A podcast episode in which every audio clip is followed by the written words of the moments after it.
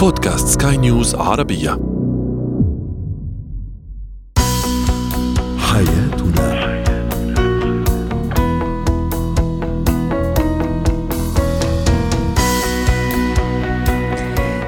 الكرام أهلا بكم معنا إلى حياتنا فضاؤكم. اليومي الذي يعنى بشؤون الأسرة وباقي الشؤون الحياتية الأخرى والذي يمكنكم الاستماع إليه عبر منصة سكاي نيوز dot com slash podcast وباقي منصات سكاي نيوز عربية الاخرى شاركونا عبر رقم الواتساب 00971 561 88 622 ثلاثة.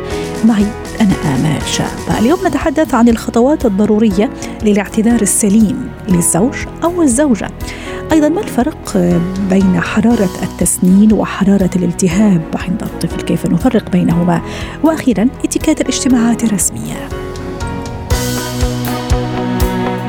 هو وهي.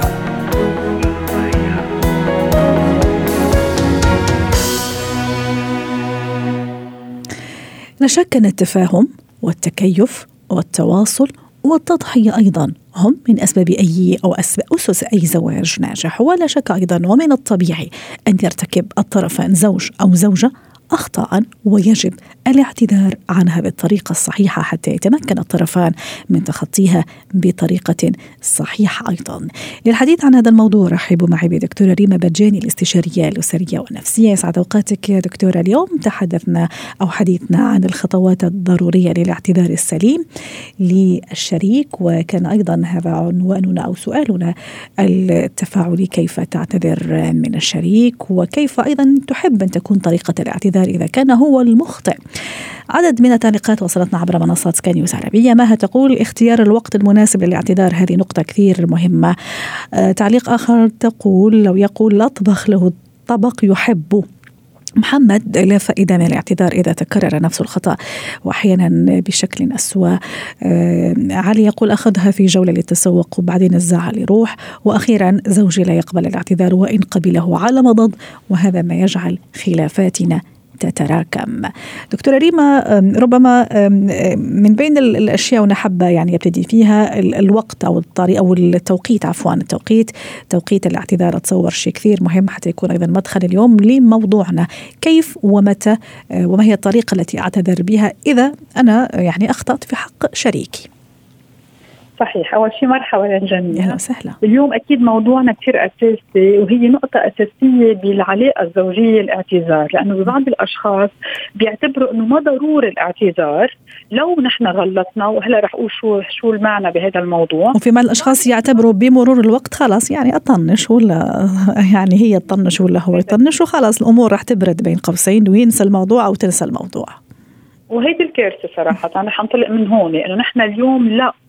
شو ما كان عم بيصير. وأنا مش بس بين الزوجين مم. حتى بطلب من الأهل الاعتذار يصير مع الأولاد رح تفسر أكثر شو يعني نحن أكيد ما, ما بدنا نكون الضعاف. مش معنى إذا اعتذرنا بنكون الضعاف لأنه بالعكس هي نقطة قوة.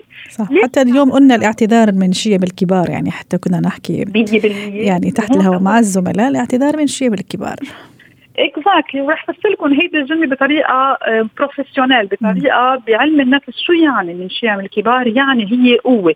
يعني أنا هالقد شخصيتي قوية هالقد قادر أحمل مسؤولية. يعني إحنا بنعرف العلاقة الزوجية هي بالأول مسؤولية الآخر. أنا اليوم عم باخذ على عاتقي حياة شخص ثاني عم بي عم بيشاركني فيها. وعم كون هالقد عم بحترم إرادة الآخر. كل شيء بدنا نحكي عن ال couples بيبينوا اليوم إذا أنا قادر أعرف أنا اليوم غلطت وليش غلطت؟ هيك له بالتوقيت إذا بدك انت بتعرفين كيف بروح بالأمور النفسية دغري مباشرة. التوقيت أنا حاضر للإعتذار. أنا عارف قيمة اللي عملته أو نسبه الدمج الضرر يلي خلقته وكثير أوقات بيكون من دون ما انتبه. وهون. المشكلة يمكن بمعنى ليه؟ لأنه الإنسان بيعتبر حاله ما أنا ما قصدي أو أنا ما غلطت. وهون إذا بدك نفوت أكثر بالموضوع. مشان هيك التوقيت المناسب وقت أنا أتحمل مسؤولية تصرفاتي وأعرف وين قدرت اذيت الآخر لو عن غير قصد لو عن غير قصد لازم أنا أكون عم له الاعتذار. كيف طريقة الاعتذار؟ بطريقة إيجابية. هون تكون كمان اوثنتيك مع اعتذاري. أنا اليوم مش عم بس عم بعتذر ويلا تمشي الحال. أنا عن جد اسف عن هذا التصرف عن هذا الشخص كثير بيعني له ما بالي إذيه ولا زعله. هون عم نحكي عن جد بهالنقطة الاساسيه اللي حاطينها اليوم إنه كيف بنعتذر. فتحتوا باب على علاقة زوجية كثير طويلة وهي الاسس نحن اليوم كيف نكون عم نتصرف بهذه العلاقة تقدر اسره اكون اعترف أول شيء إني غلطت وكيف صلح هذا الغلط. جميل.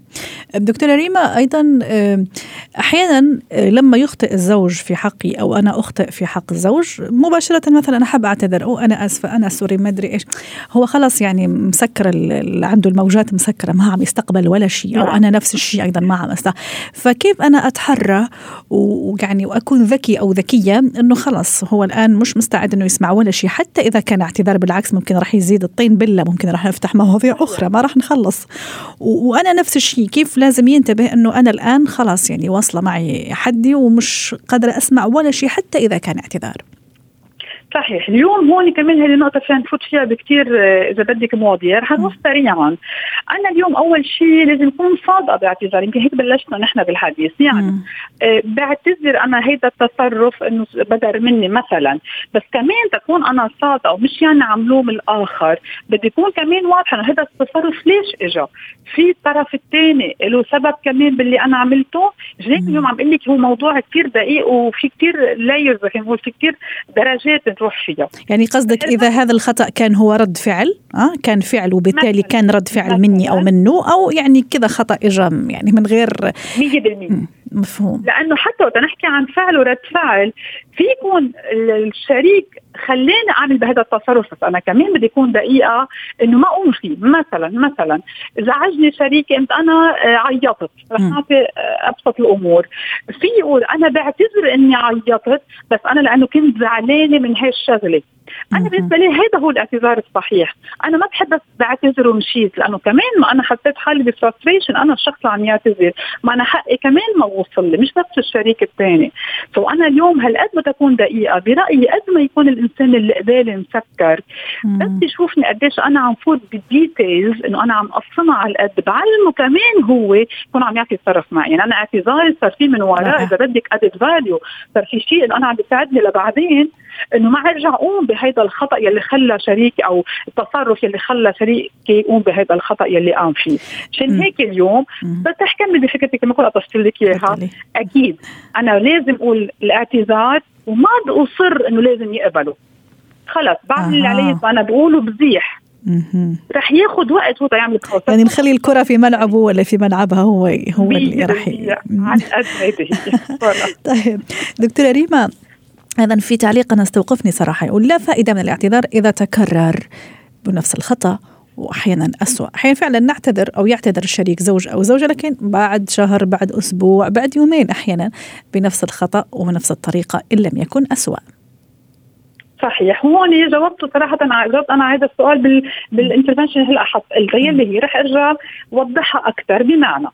صحيح نحن اليوم إذا كان اعتذاري منه نابع عن فهم مش يعني عم أقول عن فهم؟ يعني عن وعي. لا أنا قصدي إيه إيه مفهوم. يعني أنا أنا استوعبت إيه؟ الفكرة لما قلتيها يعني في البداية. لكن قصدي أنا يعني كيف يعني كيف يعني أوصل له رسالة إنه أوكي أنا أنا قبلت الاعتذار وأوكي على عيني وراسي بس لكن نفس الخطأ يتكرر. يعني ليش؟ فكيف تكون يعني حتى أوصل له رسالة إنه اعتذارك مقبول لكن يا أخي عم يتكرر أو يا أختي عم يتكرر؟ فكيف كيف أتصرف يا دكتورة؟ مشان هيك أنا بقول اليوم تا تا رح أقول لك إياها كمان نحن على لبنان بنقول بدنا ناكل عنب مش نقتل الناطور، اليوم أوقات بالاعتذارات اللي بتصير ما بنكون واضحين، بنكون عم نقتل الناطور بس عم عم عم نعمل شيء حلول سريعة تكون واضحة بحكي، يعني لو اوقات بيكون اعتذار سريع مش هيك بيرجع بيتكرر، ليش؟ لأنه ما راحت على عمق المشكلة وصلحتها. تماما. وقت أنا آكل عنب شو يعني؟ أنا اليوم ما بيهمني أعمل ردة فعل أو أنا أعتذر بس بطريقة سطحية، أنا بدي روح على العمق ليش صار هذا التصرف؟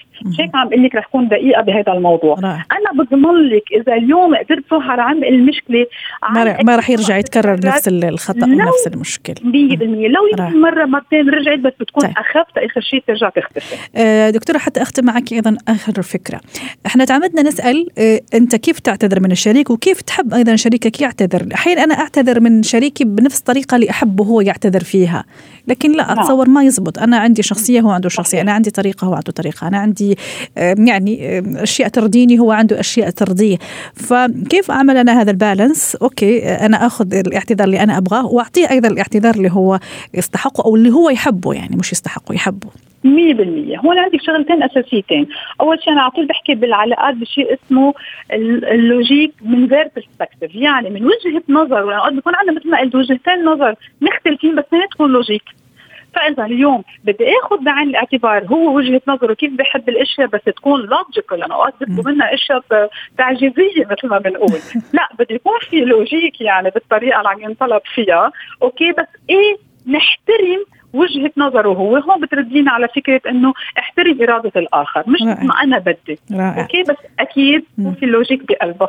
شكرا لك يا دكتورة ريما بجاني أسعدتينا اليوم بهذه المشاركة كالعادة دائما متألقة ومبدعة في تدخلاتك. شكرا لك كنت معنا من بيروت. زينة الحياة.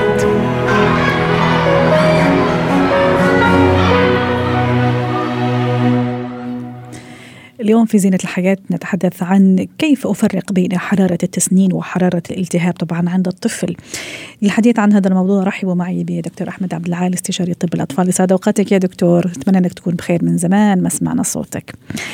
اليوم راح نحكي على موضوع ممكن آه، يعمل شوية التباس شوية آه، لخبطة عند الأم خاصة يعني الأم اللي يعني لأول مرة ممكن آه، تجرب تجربة الأمومة. ما تعرف كثير هالأشياء خاصة في الأشهر الأولى.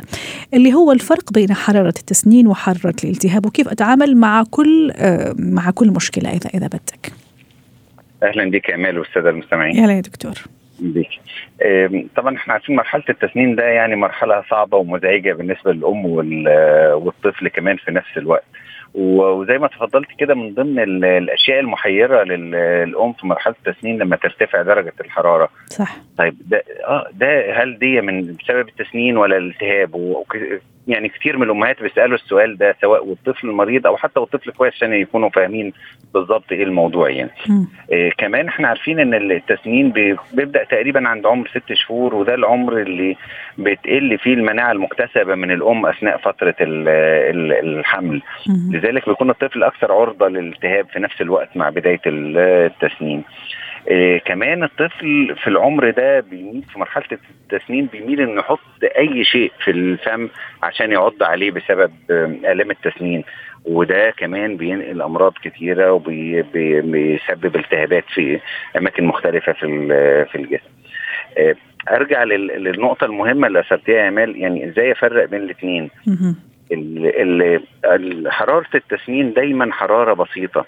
يعني غالبا نادرا لما تتعدى 38 إيه، ممكن يكون في ليونه في القوام شوية مش إسهال بمعنى إسهال زي ما بيحصل مع النزلات المعوية. إيه، الطفل بيكون عنده عصبية زايده نتيجة الألم وبيكون عنده بكاء. بيرفض الأكل إيه، أيضا دكتور؟ بيرفض الأكل تمام واحيانا كمان بيكون عنده اضطرابات في النوم.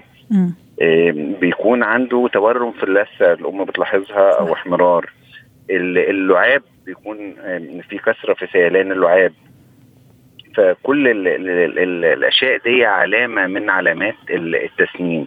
فلو الحرارة بسيطة 38 ما بتتكررش كتير مدة يوم واحد ده كلها من علامات حرارة التسنين. إن وجدت مع ان بعض الأطفال بيسننوا تماما بدون أي أعراض وبدون ارتفاع درجة الحرارة. صح ممكن هذا اللي يخلي بعض أنا دائما أحب أرجع للأمهات والجدات يعني أحيانا يعني في أحيان كثيرة يعني عندهم حكمة في هالموضوع يقول لك لا لا, لا تخاف أو لا تخافي هذا حرارة تسنين هو عم يسنن مشان هيك حرارته مرتفعة فيعني عارفين بالضبط إنه هذه هي العلامات ويعني ما في ما في مشكلة في يعني في هذا الحرارة.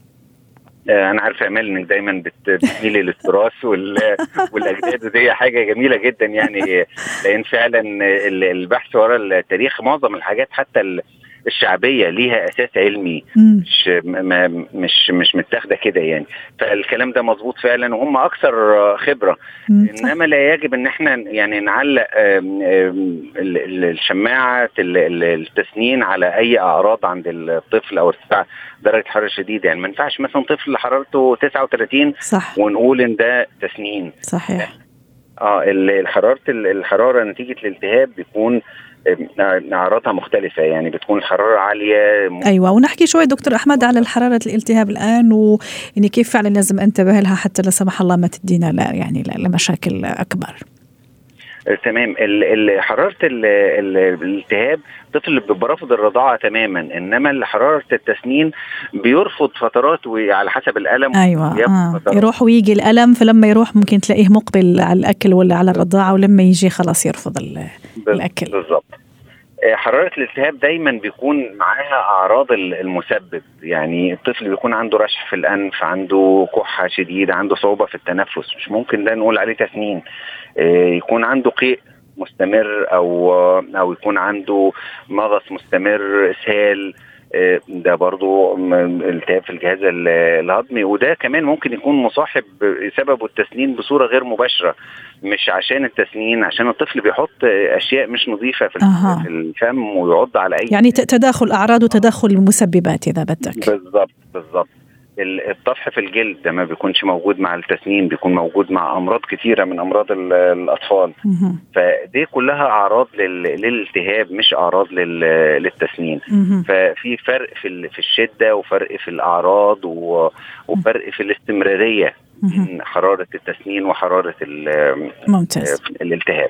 دكتور أحمد سريعا كذا كيف أنا أتعامل مع الموقفين إذا كان حرارة التسنين وحرارة الالتهاب؟ حتى آه، زي ما قلنا دائما يعني من من باب التوعية ما نخلي الأمور تفرط؟ يعني ممكن أتعامل معها في في البداية.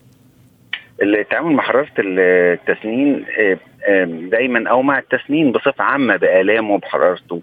ممكن يعني قطعة قماش مبللة خفيف باردة الطفل يقعد عليها ممكن عضاضة ممكن ندهن أو ندلل إيه بس دكتور عم تحكي كثير مهم شغلة. العضاضة مثلا الآن كنا نحكي على موضوع ممكن يعني تعقيمها كيف تكون نظيفة اللي ممكن عن طريق العضاضة أيضا يصير عنده التهاب ولا؟ صح تمام تمام. ف فهي العضاضه والتتينة والأشياء اللي الطفل بيحطها في فمه دي بتعامل معاملة الأكل اللي بياكله الطفل لازم نحافظ على نظافتها بصورة دايمة ويكون لها غطاء ويكون معقمة بصورة صحيحة.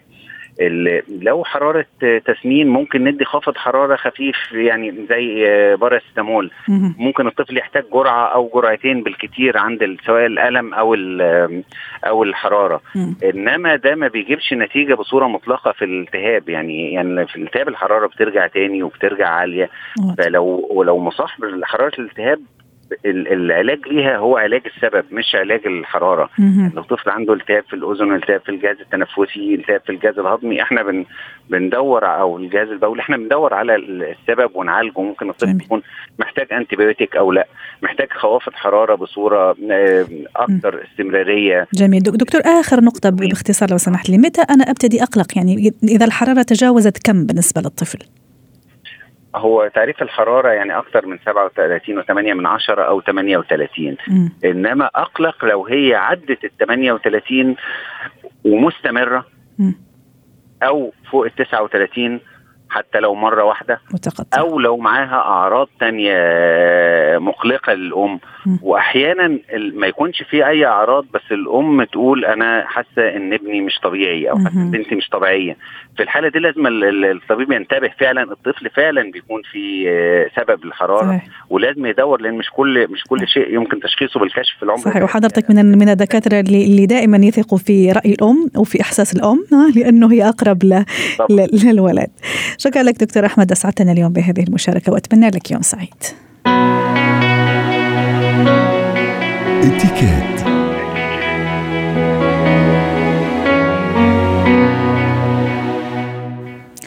اليوم حديثنا عن اتيكيت الاجتماعات الرسمية. رحبوا معي بدكتورة سلوى عفيفي خبيرة الاتيكيت والبروتوكول الدولي ضيفتنا العزيزة من القاهرة. يسعد أوقاتك دكتورة سلوى. اليوم راح نحكي عن الاجتماعات الرسمية بشقيها يعني الاجتماعات الرسمية إذا كنت أول مرة أروح لهالاجتماع الاجتماع يعني ما أعرف الأشخاص اللي أنا راح أجتمع فيهم آه، أول اجتماع رسمي معهم أو مثلا اجتماع خلينا نقول مثلا في في مؤسستي أو مع إدارتي لكن أعرف الأشخاص لكن في النهاية هو اجتماع رسمي.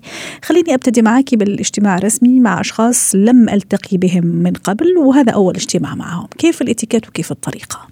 مساء الخير يسعد أوقاتك أستاذة أمان موضوع مهم وشكرا إن أنتم بتهتموا بالجانب المهني. أهلا وسهلا. آه إذا الاجتماع رسمي ومع ناس لا أعرفهم. اولا المحافظة على الموعد وقبل الموعد أيضا التأكيد على الحضور. إنه لازم نكون متواجدين في المكان على الأقل قبلها بعشر دقائق إنما نطلع ممكن نبلغ السكرتارية إنه إحنا متواجدين. خمس دقائق مثلا. آه الملابس لازم تكون رسمية حتى لو يعني أنا عارفة إنه طبيعة المؤسسة مثلا ممكن تكون كاجوال بس أنا لازم أقتدي بالملابس الرسمية لأنه أنا بعكس الإيمج والصورة الذهنية لمؤسستي أنا. الحضور ونكون محضرين يعني إحنا عارفين الهدف من الاجتماع ما هو. إحنا هل رايحين نقدم الخدمات بتاعتنا مثلا؟ فلازم نكون رايحين بأدواتنا. نعرف أنفسنا لما ندخل على الأشخاص اللي بنتعرف عليهم نستأذن هم اللي يحددوا لنا أماكن الجلوس عادة. يعني مثلا لو كنا أنا والطريق الف... خلينا نقول طاقم الفريق اللي معايا ثلاث أشخاص مثلا وحنقابل أشخاص آخرين. نقعد إحنا جنب بعض. يعني أنا آه خلينا نقول أنا الرئيسة مثلا المساعد بتاعي على يميني والشخص الآخر على اليسار.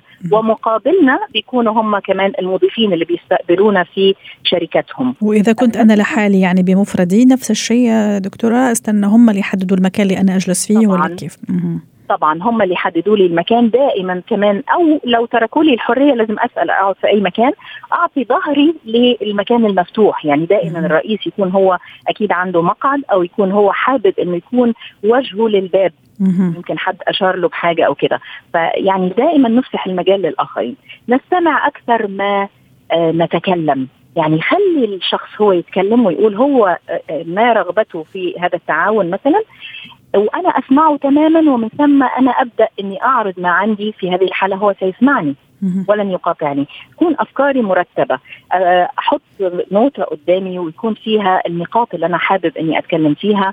طبعا تقديم ال business card خاصة قبل كورونا كنا بنقول إنه بنقدم ال business card يعني حتى لو بعد كورونا بس نتأكد من نظافتها ولا بد من تقديمها باليدتين الاثنين بالطريقة اللي هي الأسيوية بنسميها واستقبال الكارت كمان بنفس الطريقة ولا نضع يعني نضع الكارت على الطاولة بعد أن ننظر فيه ونحفظ الاسم ولا نضع فوقه أي متعلقات شخصية يعني مش احطه تحت الدفتر بتاعي أو تحت ولا أحطه في الشنطة يا دكتورة؟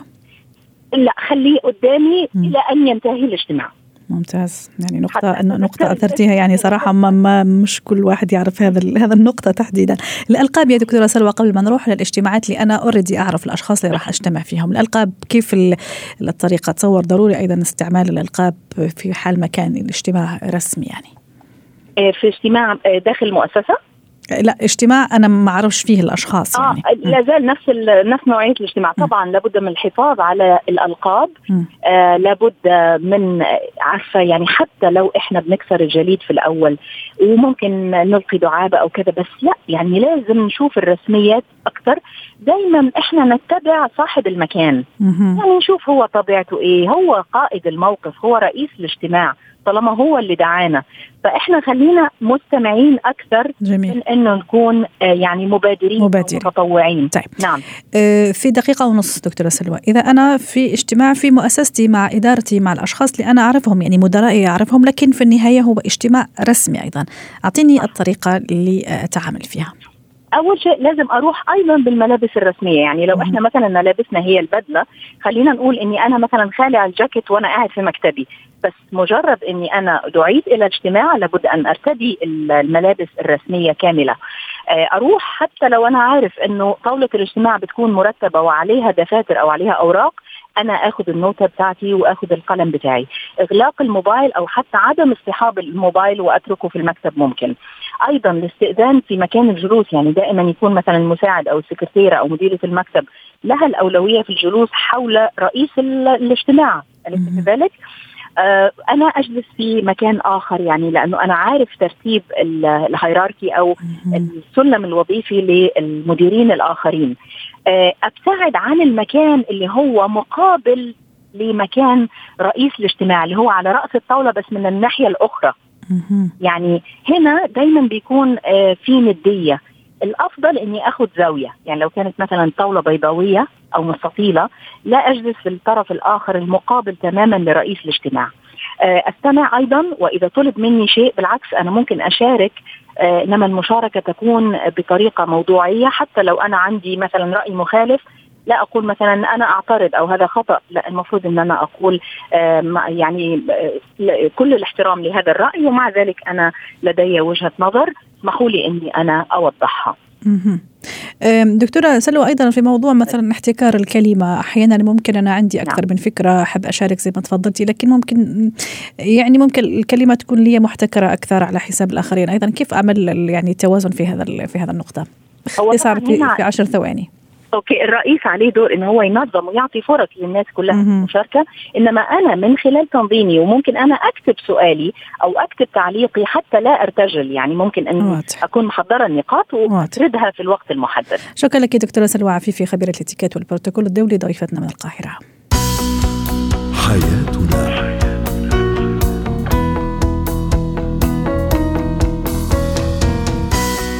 ختام حلقة اليوم من حياتنا. شكرا لكم وإلى اللقاء.